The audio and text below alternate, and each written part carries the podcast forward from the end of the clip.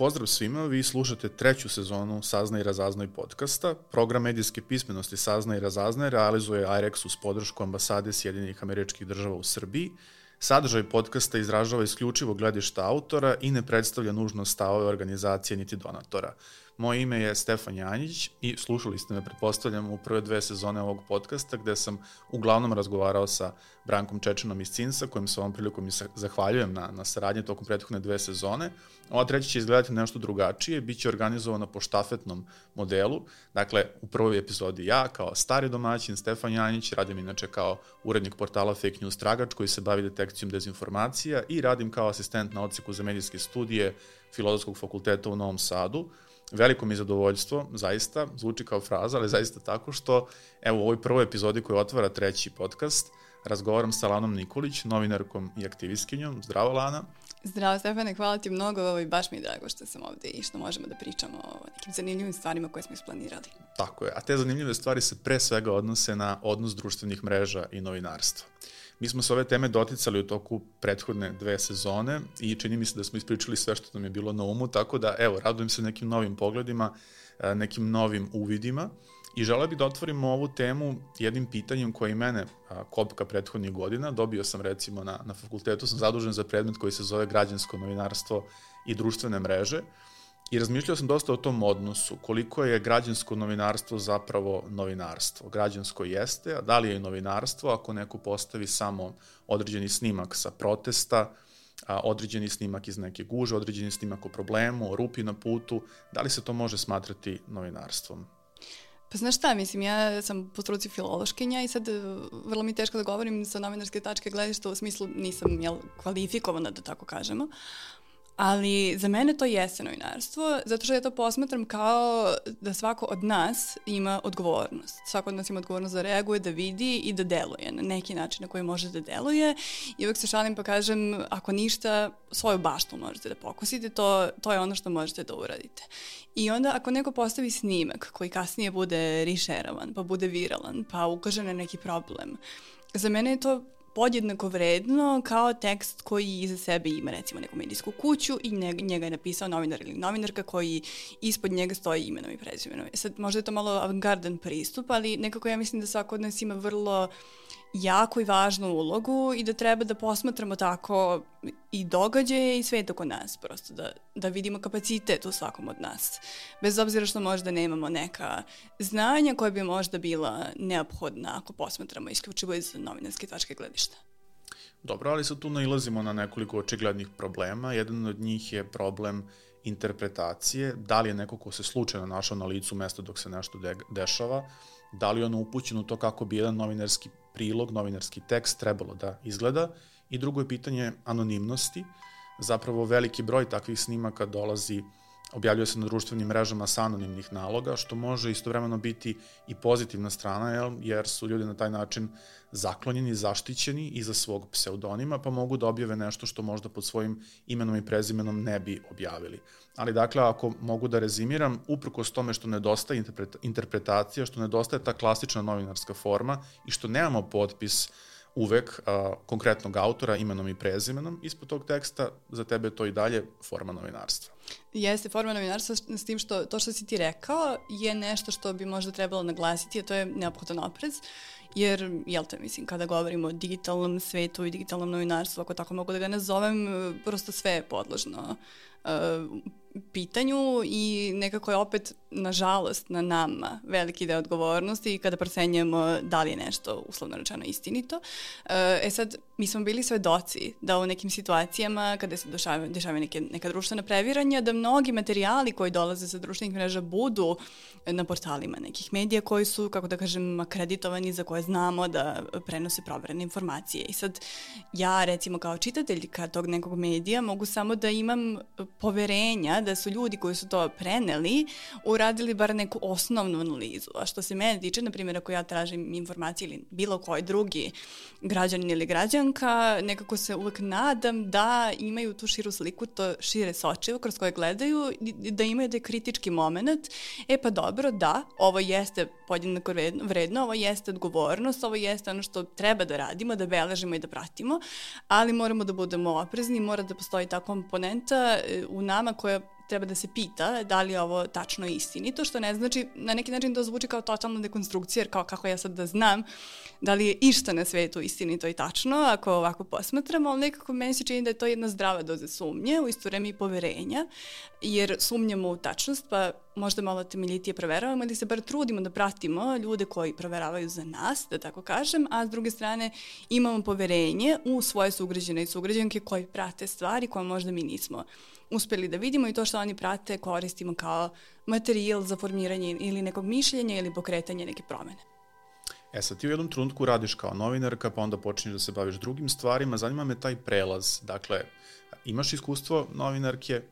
pa onda počinješ da se baviš nečim drugim kada tvoj fokus pređe na druge stvari ili se jednostavno zaposliš na drugom mestu, da li prestaješ da razmišljaš kao novinarka ili dalje ideš ulicom pa gledaš, aha, ovo je interesantna tema, gde bi se mogla objaviti priča o ovome, kako funkcioniše to? Uvek, uvek gledam i dalje gledam i mislim ja sam pravala godinu dana u timu za ljudska prava Jedinjenih nacija, za to vreme nisam radila ništa što ima veze sa novinarstvom, već stvari koje se tiču isključivo ljudskih prava, isključivo iz konteksta Jedinjenih nacija i e, bilo mi je jako teško nekim trenucima kada vidim neke stvari za koje znam znam da bih vrlo intenzivno reagovala, da bih krenula, što da kažem, da kopam, da bušim, gde može to da se objavi, šta može da se uredi. I sad odjednom ja to više ne mogu, jer prosto moje delovanje dolazi iz potpuno druge sfere, koja ima svoju jačinu, ima svoj značaj, ali jednostavno skroz drugačiji ugao. I mislim da ako jednom se zakorači u tu sferu, ja sam dugo bila na Radio Beogradu 202 i uvek sam se šalila da je to kao neka vrsta pozitivne kletve. Vi kad jednom uđete, to je to, kraj. Mislim, ja mogu fizički da izađem iz Radio Beograda, ali novinarstvo i taj pristup nikad neće izaći iz mene i u mom konkretnom slučaju ta ljubav prema audio zvuku i prema nečemu što liči na podcast, što je danas podcast, a nekada je bio radio ili mislim i sada je radio opet u nekim izmenjenim formama jer i emisije koje se emituju uživo mogu da se preslušavaju, dakle opet imaju neki element podcasta. To za mene nikad ne prestaje da postoji i ja mislim da sam uvek jednim delom novinarka, iako mislim da opet nemam taj novinarski background koji me čini u potpunosti novinarkom, ali opet mislim da imam neku širinu koja je potrebna da se stvari posmatraju malo, malo kako da kažem, sa, sa jednog avangardnijeg stanovišta, jer možda neko ko je po struci novinar, mislim ti to mnogo bolje znaš od mene i ko je se prosto bavio time vrlo temeljito, um, zna da prosto mora da bude oprezan, mora da ima neke stvari u vidu, a ja imam uvek taj pristup, pa dobro, ja sam i aktivistkinja i sad ako ja napravim neku grešku, to će opet biti manje strašno nego ako je napravi neko koji za sebe ima tako ozbiljan background i ko može da zapravo posvedoči gde tačno piše nešto na što može da se osloni. Dobro, znači jednom novinarka uvek novinarka, da, ali šta se dešava onda kada novinarka nema platformu, dakle nemaš više medije za sebe, baviš se nekim drugim stvarima, da li a, onda to objaviš na svojim društvenim mrežama ili pokušavaš da dojaviš te teme svojim kolegama, gde na kraju završe te teme koje uočiš? Radim oba. E, dakle, i dojavljujem s vremena na vreme nekom za koga mislim da bi mogo dobro nešto da iznese. E, objavljujem na društvenim mrežama i e, planiram da pokrenem svoj podcast. I to je kao bila neka moja ideja da zapravo govorim o stvarima bez brige o tome da li će to što sam rekla da na bilo koji način utiče na mediji za koje radim u tom trenutku. Jer ja vrlo često pričam stvari, naravno vrlo oprezno i pažljivo, ali s druge strane nisam baš preterano sklona cenzuri. Onda je mnogo teško da se izbalansira kada iza vas stoji neko ime, koje god ime bilo, da vi sad mo možete da kažete u potpunosti svoje mišljenje, a da pritom ne oštetite kako da kažem, usput nikoga. Uh, postoje stvari koje su meni jako važne da o njima govorim i za sada se to dešava najpre na društvenim mrežama putem live-ova, ali e, podcast je ide vrlo lagano, ali dešava se priprema i novinarka će i dalje biti novinarka samo u nekim drugim e, segmentima. Desit će se sigurno, ja se tome baš radujem. E sad kada razgovaram o, o društvenim mrežama sa kolegama, pogotovo onima koji rade u online medijima, kažu kada pogledaju recimo dnevnike na ovih milion televizijskih stanica koje su se potvarale, što informativnih, što informativno zabavnih, da im deluje kao da velikim delom svoje teme crpe sa društvenih mreža. Dakle, pogledaju šta je to aktualno na Twitteru, na oko čega se vode debate i na, po tom obrazu zapravo sastavljaju svoje emisije. Imamo i taj kontakt novinara i političara na, na Twitteru. A, kako tebi deluje taj Twitter ambijent? Prepostavljam da tu ima najviše ovakve, ovakve vrste interakcije, da se odatle ne skupljaju, na, najčešće skupljaju teme, ali u tom svetlu naravno možemo govoriti o Facebooku, Instagramu, TikToku i tako dalje. Da, znaš šta, mislim, ja sam e, se dosta bavila društvenim mrežama ranije, mnogo temeljitije nego što se bavim sada. U jednom periodu sam bila dosta prisutna na Twitteru kao neko ko stalno prati i gleda. I posebno sam pratila teme koje se tiče ljudskih prava, naravno. I sada nekako, kad posmatram sve tačke gledišta, onda sam morala malo da uzmem odmor od Twittera, jer mislim svi znamo kakav Twitter zna da postane i koliko to može da bude neprijatno čitati. Ja nekako to sve upijem i onda mi bude teško da procesuiram. Uh, ja svoje teme nalazim kroz ljude koje pratim, ali opet se tu suočavamo sa, onom, sa onim fenomenom internet babla, znači našeg mehurića u kome se mi krećemo. Ja poznajem dosta aktivista, aktivistkinja i novinara i novinarki, ljudi koji se bave različitim stvarima za koje bismo mogli da kažemo da su društveno odgovorne i onda je, na primjer, meni vrlo teško da doprem uh, da izađem iz tog mehurića i da vidim ono što se nalazi iza njega. Pošto jedna od mojih tema jesu mladi, a ja sada imam već 30 godina i možemo da kažemo da sam mlada, ali svakako nisam mlada kao neko ko ima 15. Uh, e, ja sam u jednom momentu bila suočena sa problemom što ja zaista ne znam šta njih zanima, a želim da saznam, a nisam na TikToku, to je sada apropo toga što si rekao, jer meni TikTok, meni lično TikTok za sada nije zanimljiv. I ja želim da saznam šta je to što njih vuče, pa sam onda išla, radila sam različite radionice i onda ih pitam, pa dobro, šta, šta se vama dopada na TikToku, šta vi tu nalazite. I sad, ako hoćemo da nađemo temu, ja ne, ne znam drugo rešenje, drugi način, osim da svako od nas se stvarno trudi, koliko god naporno bilo, da preko nekih drugih ljudi pokušava da dozna za još neke druge ljude koji su možda malo van tog našeg fokusa. Uh, što se tiče tog traženja tema, isključivo možda na društvenim mrežama, to mislim da možda nije baš najbolje rešenje. Mislim da bi trebalo neki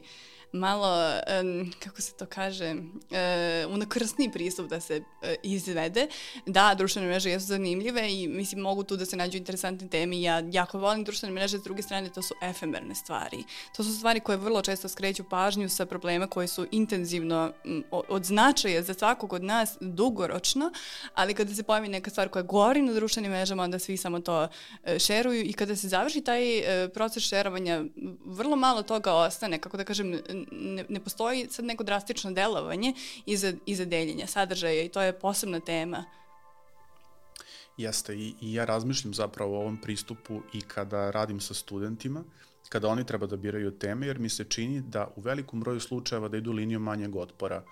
Nije lako pronaći temu i ja zaista verujem da je to veliki izazov, pogotovo ukoliko radite u medijima gde postoji taj snažan pritisak da objavljujete veliki broj priča. Ne mogu da zamislim kako je nekome ko radi na portalu Blica, pa čak i na portalu Alo Informera koje mi vrlo često uhvatimo u prenošenju dezinformacija, ali hoću da kažem a, da su to ljudi koji moraju da objavljuju verovatno desetine tekstova dnevno. Gde ćeš pronaći drugo toliko ideja nego na društvenim mrežama, ali kada je reč recimo o ljudima koji imaju nešto sporiji tempo, imaju tu privilegiju da rade sporije, mislim da moraju da pogledaju šta se dešava van društvenih mreža, da moraju da čitaju, da gledaju filmove, da gledaju serije, ne znam, da peru suđe, deša, dešava se da prosto iskrsne neka tema dok radite potpuno banalnu stvar a, i mislim da je to zadržavanje na društvenim mrežama takođe opasno jer je uglavnom na Twitteru orijentisano oko nekih a, konflikata, oko nečega što bi moglo da bude prikazano senzacionalistički, a, pa i u kontekstu ovih tema koje tebe u prvom redu zanimaju, to su teme a, ljudskih prava. I često vidim kako neka diskusija koja se pokrena na Twitteru, koja bi mogla u samom startu da bude zdrava, da nam odgovori na neka važna pitanja o ljudskim pravima, o drugom i drugačijem, u kom to formatu završi u medijima kako to bude prikazano, kao nekakav dvoboj, kao nekakav rat, a zapravo je možda počeo od nečije intimne onom, ispovesti u jednom Twitter threadu. A, kako ti izgleda pokrivanje ove teme, taj odnos mainstream medija i društvenih mreža kada je reč o ljudskim pravima? Pa sad ne znam, to što si pomenuo, mislim i ove neke stvari koje smo videli, jel, na primjer u tabloidima, Um, mislim, pa uznemiri me na nekom nivou, stvarno, iako bi možda trebalo kao da budem malo objektivnija, manje da se uzrujavam, ali prosto čovjek ne može da se ne uzruja. Uh, nekako mi se čini da te društvene mreže mislim, imaju izuzetan kapacitet i potencijal i ja ga vrlo koristim, s druge strane toliko je lako okrenuti taj plamen u nekom potpuno drugom smeru gde se taj neki dijalog, jel te, koji ti kažeš, mislim, se predstavlja kao dvoboj, se pretvara u nešto sasvim drugo. I mnogo je interesantno kako sama, recimo Twitter zajednica, pošto sad o Twitteru govorimo, s kojom lakoćom ljudi online potpuno zaboravljaju da iako ne stoje lično i ne govore toj osobi lične stvari, e, zaboravljaju na svoju odgovornost i na to da prosto to ide u neki javni prostor, to neko može da pročita, to može da ostavi neku vrstu posledica, da ne pričam sad o tužbi, nego o tome da si možda nekoga zaista duboko povredio ili uznemirio, pa na stranu sad ti dalje, dublje da kažem koraci. E sad nekako uh, meni se čini da, da bi tu stvarno trebalo upotrebiti dodatni oprez i da i neki možda savet jel, za ljude online, mada zaista sumnjam da ti ljudi koji pišu neprimerene stvari ovaj, slušaju sad meni i tebe, ali ajde da se nadamo, eh, da nikada ne govorimo ono što ne bismo mogli da kažemo osobi uživo. I da postoji mnogo načina da se neprijatna istina, neko neslaganje kaže na takav način da bude izrečeno, ali da ne bude u, u krajnje meri u potpunosti nepristojno i da izlazi iz nekih okvira, kako da kažem, normalnih. E, kao što znamo, mislim, tiraž je glavna stvar, jel? To što si rekao da se, da se generiše ogromna količina tekstova, ja razumem da tim ljudima nije lako, da oni imaju možda neke svoje razloge zašto pristaju e, na tu vrstu posla, na traženje takve vrste tema i na prenošenje nečega što nanosi više štete nego koristi, odnosno gotovo da i nema koristi, to sam sigurna. Uh, onda nekako uh, prosto razmišljamo o tom novinarskom aspektu kao moralnom aspektu, nekom kodeksu koji svako od nas mora da ima, e, jednostavno ne postoji novac i ucena za koju e, bi trebalo da, da, da, kako kažem, da možemo da se savijemo i da pristanemo da, da generišemo nešto iza čega ne možemo da stanemo. Postoje mnogi poslovi koji mogu da se rade, pored kojih mi možemo da budemo novinarki, novinari i novinarke koji nekako adekvatno obavljaju taj posao. Tako da nekako iz moje perspektive tu nema baš mnogo opravdanja. Mislim da prosto se opet vraćamo na tu uh, odgovornost, znamo da su stvari kompleksne i teške i posebno kada govorimo o radnim pravima, kakve su situacije novinara i novinarki u redakcijama, kakve su njima plate, kakve su njima ugovori, koliko tu ima problema, ali i dalje, e, mislim, mora da, mora, mora da postoje ljudi koji će da stoje i da sprečavaju da ta bujica ide dalje. E, sve dok ti ljudi postoje, manje su šanse da će internet dvoboji da budu preneseni u različite medije, jer neko nekad mora da kaže dosta i ja se uvek nadam da, da ta osoba postoji, da ta osoba negde radi i da čak iako je ona ovaj, do nekog momenta trpela ili išla u tom toku, u tom smeru kuda idu svi, da u jednom momentu ona kaže pa dobro ja ovo zaista ne moram i neću više i, i ovo je neko moje ohrabrenje da prosto uvek je teško da se pokrene nešto i da, i da preuzmemo veliku odgovornost, ali mislim da je to vrlo časno i da je neophodno u ovom trenutku očuvati e, suštinski kvalitetno novinarstvo, posebno kada govorimo o, o istinitosti informacija koje, koje dobijamo. A u kojim momentima ti kažeš dosta mi ne mogu više, neću, kada je reč o Twitteru? To me zanima zato što sam i ja sebi postavljao to pitanje u nekoliko navrata i došao do zaključka da mi je život bolji bez Twittera i naravno u, nek, u momentu kada sam a, dostigao neki a, pristojan broj pratilaca, nije to nikada bilo previše, ali recimo u ovom trenutku 4000, iako ne tweetujem uskoro, slavim u avgustu dve godine, iako sam ponosan na taj svoj jubilej, ali me jednostavno dosta trovalo i video sam da izvlačilo ono najgore iz mene, iako sam se trudio da ostanem pozitivan, optimističan, da se ne uplićem u teme u koje se ne razumem, ali ta, to sladostrašće skupljenja lajkova u nekom momentu je postalo zaista zastrašujuće, ta, ta, ta moja potreba zapravo da proverim šta se dešava sa mojim tweetovima, da li neko odgovorio, da li možda počela neka diskusija koja mi zapravo pokvari dan. Bio sam, bio sam zapravo uvučen u to, nisam znao kako da se istrgnem, mislim da ti to mnogo bolje hendluješ, da ne mogu da se setim našeg izraza, ali Razumeli smo se. Da, ovladavam time, pa da. E, pa znaš šta, mislim što se tiče Twittera, to što si sad rekao za lajkove i to iz retweetova i slično, mislim to su radile m, kompanije koje su osmislile te aplikacije i to nije do tebe, mislim kako da kažem, nisi ti ne čovek koji e, ne ume da se kontroliše, nego stvari u tome da je to napravljeno tako da izaziva zavisnost, radost, kada mi vidimo da je ono srcovenice crveno, da je, neko, da je ono zeleno, da je neko retweetovao, da se događa neka pozitivna, uslovno rečeno pozitivna interakcija, nešto se dešava dešava, neko je reagovao na nešto moje. I mnogo je teško tome odoleti. Stvarno je jako teško. Posebno kada je tebi stalo do teme, kada je tebi stalo do nečega, ti želiš da se čuje i tebi taj feedback govori da jeste, važan sam, bitan sam, ono što sam uradio, rekao, pomislio i preneo je očigledno učinilo neku mikropromenu. Um, meni je bilo jako teško da tu napravim sad kako da kažem, distancu. Nisam nikad bila toliko aktualna na Twitteru, ti si inače mikroinfluencer, to se tako zove. I ima, imaš bio. mnogo, nisi dalje si, imaš mnogo veću snagu nego, nego influenceri koji imaju veliki broj pratilaca, jer kao što verovatno znaš, manja grupa e, posvećenih ljudi može mnogo više nego velika, velika grupa različitih ljudi koji se, kako da kažem, ne slažu toliko u nekim segmentima. Ja mogu da govorim o Instagramu, tu sam u najvećoj meri prisutna, čak više nego na Facebooku. E, možda sam pretarano oprezna i vrlo oprezno komentarišem, vrlo oprezno bilo što šaljem, e, sve što pišem, očigledno je da je moja. Mislim kako da kažem da iza toga stojim ja kao Lana Nikolić i da ja mogu prosto te e, komentare, emocije, sve što god da sam tu podelila, da to prosto da je to moje. E, kako sam ja napravila otklon, kako sam stala i rekla da mi je možda dosta, e, kad god osetim da se nekako ta čaša prepuni,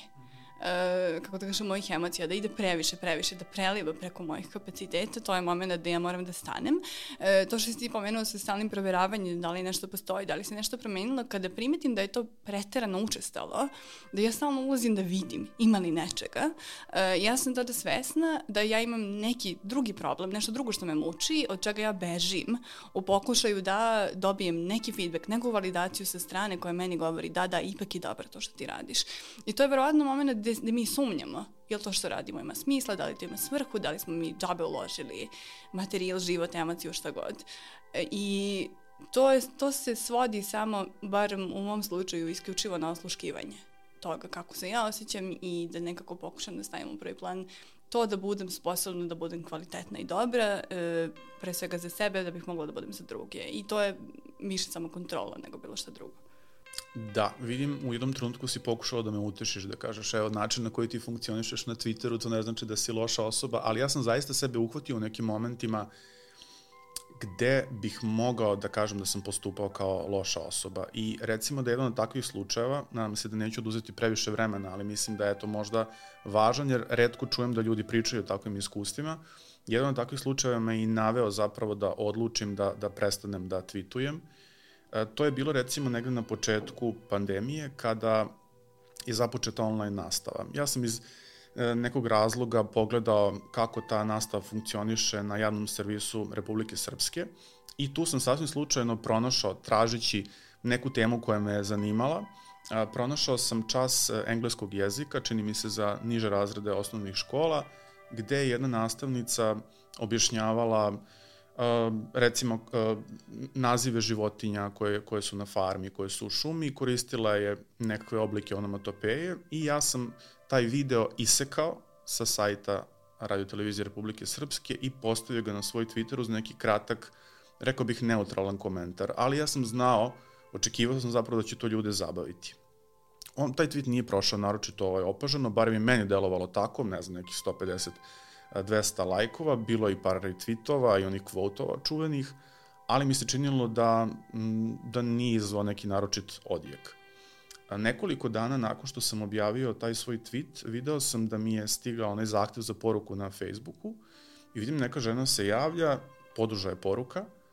i kaže jako me je negativno iznadilo ovo što ste uradili zato što vidim da ste i vi prosvetni radnik, da ste angažovani na, na fakultetu, čime sam ja zaslužila ovo. I ja sad već zauzimam gard, kako shvatim da je to ta žena, ali ja vam ništa loše nisam rekao, ništa loše nisam uradio, vaš snimak je već postoje online, ali to su ti mehanizmi samoodbrane, zapravo ja sam tu ženu učinio vidljivom. A stvar je bila u tome da ne znam da li si to nekada doživjela, ukoliko neko od mainstream medija uzme tvoj tweet i embeduje ga, odnosno nalepi u svoj tekst, ti zapravo nemaš nikakvu predstavu o tome a, koliko je on otišao viralno. To bi mogao da vidiš tek ako pratiš broj, broj pregleda tog videa, ali u samim lajkovima i retweetovima ništa se nije menjalo i ja prosto na ovim svojoj listi za notifikacije nisam primetio da se bilo što čudno dešava. I tada sam shvatio da sam ja tu ženu doveo u užasnu situaciju Dakle, taj snimak su iskoristili najčitaniji mainstream portali u Srbiji, a, uz komentare da evo nastavnica iz Bosne a, urliče kao u Porniću, a, ne znam nije, a da ne govorim o komentarima koji su se javljali ispod takvih tekstova. Pa je taj video upotrebljen u nekim emisijama. Dakle, to je potpuno prošlo mimo mene i ja apsolutno nisam imao svest u tome. I ja bih mogao sada da se branim i da kažem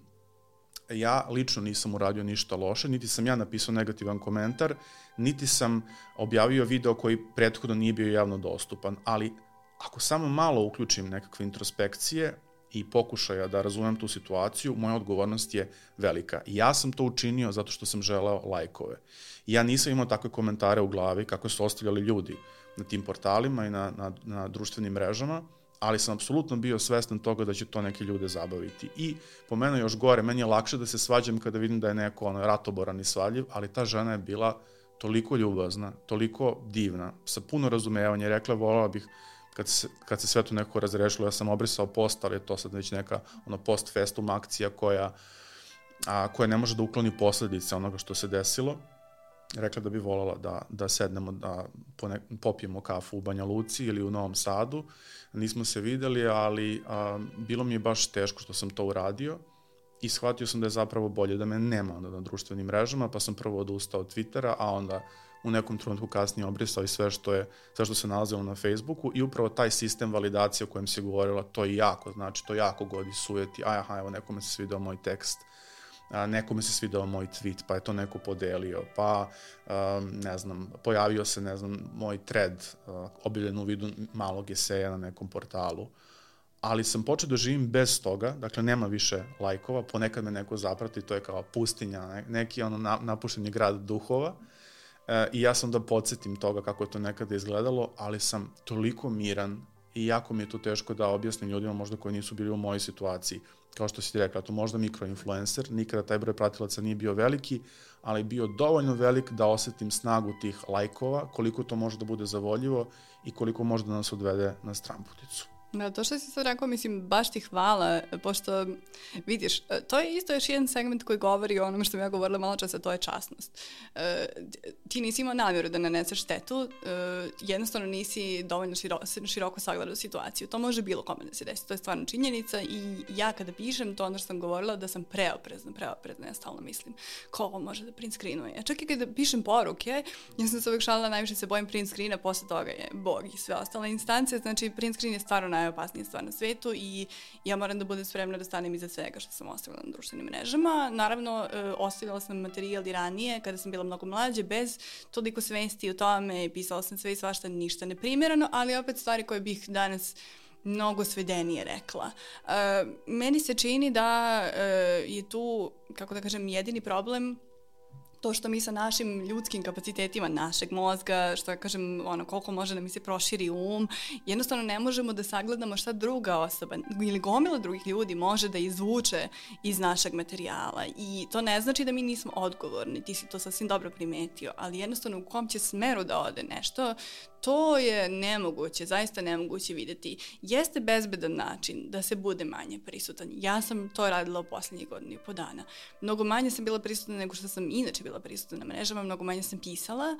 ali ja zaista duboko verujem da to nije način. Znači, način je da se reši sredina neka, da mi budemo prisutni, da menjamo, da radimo stvari, da budemo pažljivi koliko možemo i to je to. Povući se u potpunosti, to bi za mene bilo kao da sam ja sad priznala ovo je preteško i preko za mene, ja ovo ne mogu da, da ishendlujem, a nije tačno. Mogu, znam da imam kapacitet, imam šta i da kažem i jednostavno šteta je da to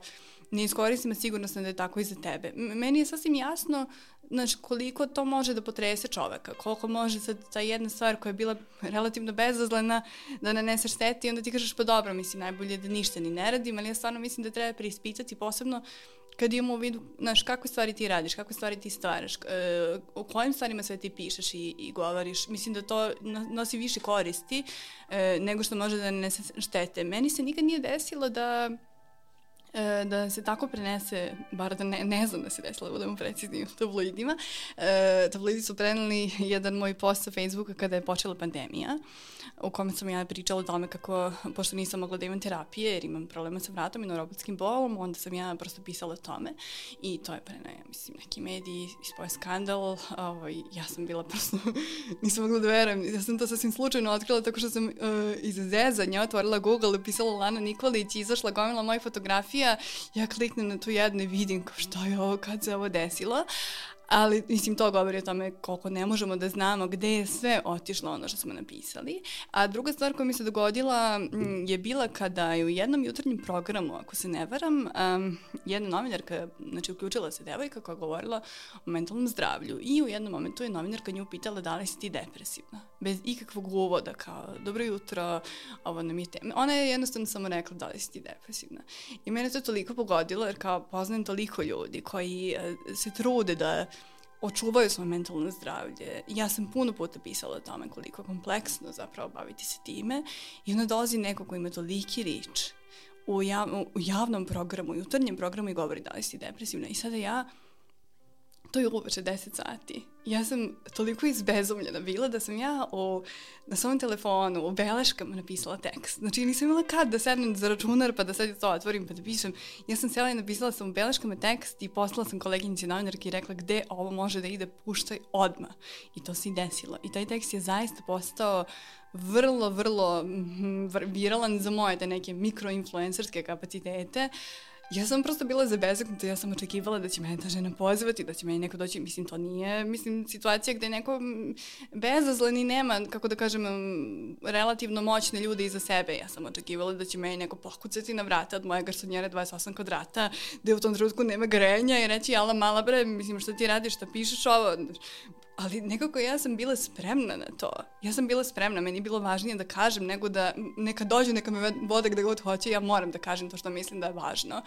I apropo svega što si rekao, nekako da, da sumiram i toga što sam ja rekla, e, moramo da radimo, samo moramo da radimo pažljivo. Ukoliko napravimo grešku, na nama je da se izvinimo i da, mislim, priznamo da smo grešku napravili. To je sve što možemo. Jednostavno, toliko je opseg informacija veliki, toliko se toga dešava toliko brzo, da ne možemo od naših ljudskih kapaciteta bioloških koji nisu još dosegli u razvoju ekvivalentnu mogućnost da, da, da reaguju na ovo čemu, čemu smo izloženi ovom, ovom količinom informacija i, i susreta i ne znam online, kako da kažem, nadražaja koje dobijemo non stop, da moramo da imamo razumevanje i za taj deo sebe i da nekako iznivelišemo, da i dalje radimo, samo da budemo pažljivi i da nekako svedemo na to. Da li ja mogu da kažem uživo ovoj osobi? Ja sam zaista bila spremna stvarno svim srcem i mislim da je to jedini, ovaj, za mene to je jedini parametar i bila bih vrlo voljna da čujem zašto je to uradila.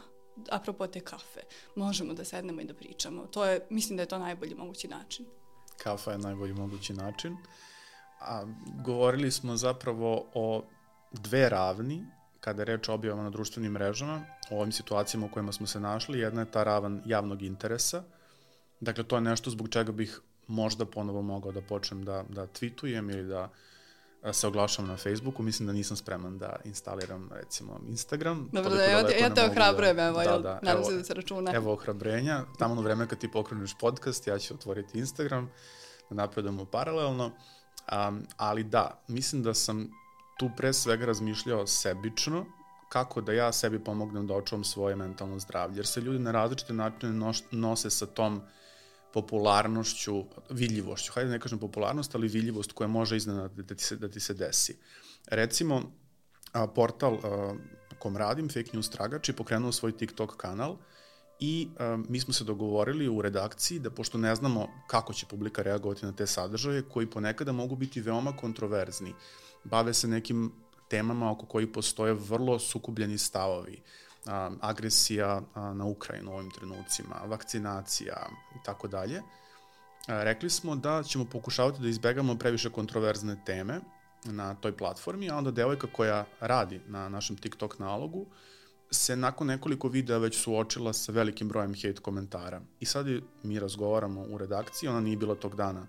na poslu i odlučimo, odlučimo da joj se javimo, da joj kažemo da je skroz ok ako žele da izbriše taj video, jer količina tih uvreda koje je dobila na ličnom nivou i zbog činjenica koje je iznala, jer se bavimo fact-checkingom, proverom informacije, bila zastrašujuća. Ja joj se javim i pokušam onako razmišljam kako da sad da zvučim dovoljno obazrivo, da, da, da sročim. Zapravo to da nam je bitnije da ona ostane da ona ostane koliko toliko pribrana da uživa u tom svom poslu nego da imamo jedan video sa velikim brojem pregleda. A zaista recimo imao a, više stotina hiljada pregleda. Ja joj se javljam i kažem, e pa kao ne, meni je ovo skroz ok, baš se razvila diskusija. Kao kakva diskusija, ljudi te vređaju u komentarima, ali on to odlično podnosi. To mi je zapravo bio podsjetnik da ne reagujemo svi isto i bio mi je podsjetnik na to koliko mene takva situacija lično uznemiravaju, koliko su me uznemiravale i zbog toga eto ja kažem da se ja sad osjećam mnogo bolje nego pre dve godine. Da, pa mislim, to, to nije sebično, to je ono što sam rekla i zašto je meni zaista trebalo mnogo vremena da razumem, a to je da ako sam ja dobro i drugi će biti dobro i da bih ja mogla dobro da radim svoj posao, ja moram da budem dobro. Iako je jedan od načina da dobro radim svoj posao ili da budem uvek e, odmorna ili blizu odmornog i sposobna da prima informacije, taj da se manje pojavljam na društvenim mrežama, što ja jesam uradila, uh, jednim delom zbog toga gde sam bila angažovana i kako, kakav sam posao imala, jednostavno nisam imala vremena, ali drugim delom i zato što sam zaista ostala strašno preopterećenje i ja takođe vrlo lično i emotivno doživljavam sve komentare, najčešće budu pozitivni, ali se desi da budu i negativni i nekako mi se čini da je to normalno, to nije nikakva sebičnost, e, to je procenjivanje naših kapaciteta, prosto ljudi imaju različite tipove ličnosti, različite kapacitete za podnošenje, nekom je to možda u redu, meni nije, jer ja možda možemo da kažemo da sam osjetljivija i to je sasvim u redu. Znači sve ono što čini da mi radimo bolje, temeljitije, kvalitetnije, da mi budemo koliko toliko dobroj ravnoteži, a da opet budemo na nekom nivou prisutni je sasvim u redu. U redu je ako nećemo da budemo prisutni, E, ja sam u tom slučaju govorila isključivo o kapacitetu, jer ja mislim da ti mnogo, mnogo toga možeš da daš, što je izuzetno vredno i da to ne treba staviti po strani. Čak ni zbog toga što je teško biti prisutan u javnom prostoru. Jer kada smo prisutni u javnom prostoru, nekako mi, mi pristajemo, mi potpisujemo ugovor da to je nešto sa čim ćemo da, da, da živimo i ja kada sam skakala iz aviona padobranom, ovaj, u momentu pre skakanja sam potpisivala naravno ugovor ako se bilo što desi da je to samo moja odgovornost i da oni ne, ne snose nikakvu. I onda ovaj, kaže mi onaj čovek sad je onaj moment da se zapitaš šta mi je ovo u životu trebalo, ja kažem ne ne, ovaj, ja ovo svesredno potpisujem zaista i to je bukvalno takva situacija da mi moramo da, mislim moramo, trebalo bi ukoliko je to u skladu sa našim uverenjima i on, onim što mi osjećamo da je važno, da, da, da budemo u stanju prosto da potpišemo to pre skakanja u, u javnu sferu, pa šta bude, bit će, izdržat ćemo junački. Mislim da a, postoji još jedno važno pitanje o kojem nismo razgovarali, a koji često postaje tema na društvenim mrežama, ne ponekada ima reperkusije i u a, stvarnom životu, da neko, na primjer, zbog iznetih stavova na društvenim mrežama, govorimo o novinarima, da bude sankcionisan, da bude čak i otpušten sa posla. A kako gledaš na to? Dakle, u trenutku kada si novinarka i kada razmišljaš o tome da objaviš nešto na, na Instagramu ili na Twitteru, na Facebooku, da li si ti samo Lana ili si istovremeno i novinarka zaposlena u jednom mediju pa razmišljaš i o tome kako će se u tom kontekstu tumačiti tvoje objave? Ja nikad nisam bila samo Lana i nisam ni danas, e, kada u ovom trenutku ne pišem ni za jedan medij, niti sarađujem direktno ni sa jednim e, medijem i nekako, ne znam, prosto to, to je bila moja percepcija, da sam ja uvek odgovorna za svoju reč i da e, sve kuće koje su sa mnom sarađivale, svi mediji, svi ljudi, sve nevladine organizacije ili vladine organizacije, da svi ti ljudi na neki način stoji iza mog imena jer su oni u jednom momentu mene odabrali da sa mnom rade i e, to što ja radim online se manje više reflektuje na sve njih. Iako neko možda ne zna da sam ja radila sa tom i tom osobom ili s tom, s tom i tom organizacijom. To uopšte ne menja stvari. Ja nekako to gledam kao jednu celinu gde prosto moram da imam celu sliku u glavi. E, to opet vodi vrlo pažljivom balansiranju koje ja stvarno ne znam, je to cenzura. Ja se baš trudim da, kao, da, da uvek budem vrlo, vrlo pažljiva. Nikad nisam samo lana i e, bilo mi je mnogo teško u momentu kada je krenula pandemija, pa sam prestala da radim na Radio Beograd 202, onda posle toga sam opet imala neke preskoke, mislim, profesionalne i onda sam na kraju uh, bila u jednjenim nacijama i sada meni je bilo toliko teško da ja shvatim u momentu kada se sve to završilo da sada više nema nikoga iza mene, da sam ja sada prvi put samo Lana, novinarka i aktivistkinja, nema više Lana iz tog i tog medija ili Lana koja se rađuje sa tim i tim, I nekako, ali su se svi ti ljudi i sve te institucije i organizacije ujedinili na neki način jer svako od njih mi je nešto dao, nešto sam naučila i onda kada ja istupam javno, ja sam odgovorna i za sebe i za njih, e, nisam srećna, to je velika i, i vrlo neprijetna odgovornost, nekad bi zaista volila da budem samo Lana, ali opet da ponavim, najviše se bojim print screena. Tako da mislim sad ovo stvarno zvuči vrlo obeshrabrujuće, ali mi se čini da u ovom trenutku našeg razvoja digitalnog da je jednostavno neophodno da budemo koliko možemo oprezni. Posebno što ja želim da radim sa mladima i volim jako da radim sa mladima i nekako ne želim da im dam pogrešnu sliku, želim da, da im dam korektnu sliku i ono što je za mene isto mnogo važno to je istinitost da se trudim da lana koja je na mrežama ne bude različita od lane koja je privatna lana, da nikad ne lažem, zato što ljudi znaju kada lažeš. Ljudi stvarno osete na mrežama kada lažeš. Osete svuda, naravno. I nekako to je nešto sa čim ja ne mogu da, da radim i pošto nikad nisam samo Lana, onda moram da budem istinita Lana. istinita Lana? Kako se istinita Lana ponaša recimo pred izbore? Meni je recimo jako teško da se suzdržim jer to je tema o kojoj želim da razgovaram, a onda sam sa sa dve strane suzbijan. A, prvo, s jedne strane sam novinar, pa u tom kontekstu ne bi trebalo da na, sve, na sav glas govorim o tome koga bih podržao, koga nikako ne bih podržao, iz kojih razloga, iako su to teme od prvorazrednog javnog značaja, prosto želim da pričam o tome, a onda ne mogu ni na fakultetu, jer se tu, tu je takođe zabranjeno političko delovanje, naravno toga sam potpuno svestan, ali hoću da kažem da to onda ostane rezervisano za jako, jako mali krug a, bliskih prijatelja, koji u najvećem broju slučajeva čak i nisu zainteresovani za politiku i onda ostaje ta, a, ta bol što nisam imao s kim da podelim svoje razmišljanje. Da li je okej, okay, da li ti negde objaviš recimo ili daš naznaku, neki ovaj putokaz pred izbore recimo, koga bi podržala, koga ne bi. Nikad nisam uradila ništa slično, ali to je zato što moj, moj background takav da ja e, sam odrasla u porodici gde se nije mnogo pričalo o politici i ja nikada nisam ni imala razvijen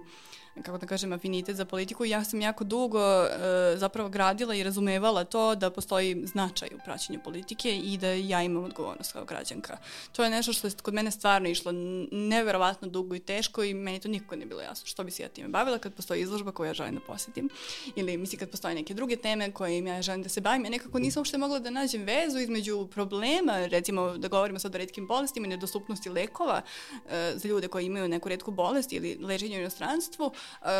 sa, sa nekim našim zakonom, sa nekim uh, našim, kako da kažem, političkim segmentom koji možda donosi odluke koje su od značaja za ljudske živote. To kod mene nije bilo povezano. Ali sam ja vrlo rano izgradila to da ja jednostavno ne želim da, da se mešam u taj politički deo. Iz prostog razloga što se uh, jednostavno politika se menja. Mislim, ok, naša politička scena je, nažalost, vrlo malo dinamična, ali ajde da uzmemo to da će se politika nekad promeniti. Uh, ja komentarisanjem na tu temu mogu samo da oštetim uh, svoje ime, prosto. Ja mogu samo da potencijalno ugrozim to što radim. Hintove sam i tekako davala, ne direktno vezane za ljude ili za političke partije ili za možda pravce, ali mislim, opšte je poznato da se ja zalažem za besplatno obrazovanje, za besplatno zdravstvo, da svako treba da ima jednake mogućnosti i da jednostavno ono, da društvo mora da obezbedi pojedincu što ravnopravniji tretman. I mislim da to sasvim dovoljno govori u kom sam smeru idem, ali nikada nisam rekla, nisam se nikada politički, e, kako da kažem, definisala i deklarisala. Možda to nije dobro, ja ne znam šta ti misliš, mene to baš zanima, jer ja u tom smislu nikad nisam imala potrebe da reagujem, ja sam uvijek imala potrebe da reagujem na nepravde koje se tiču malog čoveka, da tako kažem, svakodnevnog čoveka koji ne može da kaže, znate šta, u tom i tom zakonu ima taj i taj član i ja ću sada da se pozovem na to, na malog čoveka koji, iza koga nema ko da stane i onda će da stane Lana Nikolić. Ali, mislim, kada može. Ali, ne znam kako to tebi izgleda, pošto ti očigledno voliš da komentarišeš. Mene jako zanima sad kako to... Da, meni je to dosta važna tema i čini mi se da je to u toku ovih prethodnih, pred, prethodne predizborne kampanji dosta interesantno sročio novinar Igor Mihaljević iz Novog Sada koji je rekao da prečesto svoj glas na izborima posmatramo kao neki sveti gral. Ja, on neko je razočarao moje očekivanja ili glasao sam za nekoga pa se ispostavilo da to nije najbolja opcija. Pa mislim, šta, pa šta, treba u svakom trenutku, ja bih rekao da donosimo odluke sprem tvoj, svojih trenutnih saznanja, sprem onoga što, zašto u tom trenutku veramo da je najbolja opcija. I onda tu, tu dolazim zapravo do problema uh, a, koji takođe vidim u kontekstu ovog pitanja koje sam postavio. A, jako je malo, recimo, političara na našoj, na našoj sceni koji i u ovom kontekstu ljudskih prava, recimo trenutnog rata u Ukrajini, a, koji se drznu da iznesu stav s kojim, se, s, kojim, s kojim sam ja recimo saglasan i za koji verujem da je nažalost manjinski u ovom društvu, ako bih podržao nekog novinara koji napiše kolumnu o toj temi, ako bih podržao nekog svog prijatelja koji objavi zdravorazumski stav o toj temi na Facebooku, da li ja onda moram da se suzdržim od lajka na Twitter nalogu političara koji sroči nešto u što ja sam duboko verujem, a možda sroči čak i bolje nego što bih ja to uradio. Ne, mislim je... da od lajka ne moraš da se suzdržiš, ali, ali da je sam ja, ja i o tome razmišljam. I e. o tome razmišljam da li će neko možda ući, pošto na, postoji opcija da neko pregleda uh, listu vaših uh, lajkovanih tweetova tweetova koje ste lajkovali, da će neko tu da vidi šta ja lajkujem i koga potencijalno podržavam. Mada mislim da su moji stavovi jasni ljudima koji, kojima sam okružen i mojim studentima, možda ne baš za koju bi stranku konkretno glasao, za koju ne bih, ali prosto ne mogu da sakrijem svoje stavove upravo i u kontekstu ovih tema o kojima si ti govorila, može se pretpostaviti koga bih ja podržao. Da, samo eto, mislim, ok, ja bi možda ostavila taj like, sad sve zavisi, zaista ne znam, ali share je mnogo ozbiljnija stvar zato što share stvarno decidirano govori ja stojim iza ovoga, ja bih isto ovo rekao ili rekla i zato se share najteže dobija, kako da kažem, u digitalnom marketingu i uopšte u, tom, u toj sferi društvenih mreža. Tako da ne znam, eto, opet je to, opet je to sve na nama i to što si ti rekao, apropo za koga sam glasao pa sam sad razočaran, to se primenjuje na sve. Mi u datom trenutku radimo najbolje što smo znali. Čak i kada se dogodi greška, kao što se na primjer tebi dogodilo sa tim tweetom, e, ti možeš da kažeš sebi isto to. Ok, ovo možda nije bilo moralno, možda sam mogao bolje, možda je trebalo bolje da promislim, ali u tom trenutku taj Stefan to je bilo najbolje što je on znao. I takođe sam to dugo učila. Možda je to znaš, opet neki način da budemo malo blaži prema sebi, jer e, što smo više u javnoj sferi, što smo više prisutni, ti si profesor, ja sam se bavila vrlo temeljito novinarstvom i aktivizmom, sve je teže zato što ljudi onda mnogo više gledaju nas i mnogo je veća šansa da, ako, što ja kažem, kiksnemo, da će prosto svetlo reflektora odmah da se uperi u nas, pa kako si mogla, pa kako si mogao, pa mi smo tebe očekivali više, pa da, ali i dalje je ovo lana koja, koju boli glava, koja je umorna, koja nekad ne može da razmišlja toliko precizno i jasno i dalekovido. Tako da nekako treba da imamo i vidu da, da su svi ti ljudi ipak ljudi, mi imamo moralne, kako, kako da kažem, kapacitete o kojima sam govorila, ali i dalje smo ljudi koji mogu da budu potreseni, koji mogu da budu poneseni nečin i koji nekada ne mogu do kraja da iskontrolišu ili predvide posledice svog delovanja, što je normalno, samo je važno da budemo onoliko koliko možemo oprezni u skladu sa svojim kapacitetima i to je sve oprezni, da, brižni prema drugima i prema sebi. Mislim da smo danas govorili dosta i o hrabrosti, eto, da, da možda podcrtamo ovo što sam malo čas rekao. Dakle, hrabrost je nešto što ja jako cenim, posebno zbog toga što sam svestan toga koliko često meni nedostaje, da iskažem svoj stav, da ga jasno obrazložim, da ustanem na neku nepravdu i trudim se da se nateram da reagujem u tom smislu. I eto, zato kažem, cenim hrabrost kod svojih prijatelja, kod svojih roditelja, kod novinara, ali onda cenim i kod političara koji iznesu nekakav nepopularan stav ili neki stav koji je duboko manjinski, Uh, i, i, i u tom kontekstu onda, eto, možda smo se dogovorili da je okej okay dati like, ako vidim nešto što, sa, sa čim se slažem. Da, evo za nas je okej okay dati like, mislim ko se slaže ili ne slaže može slobodno da napiše kada ovo bude objavljeno.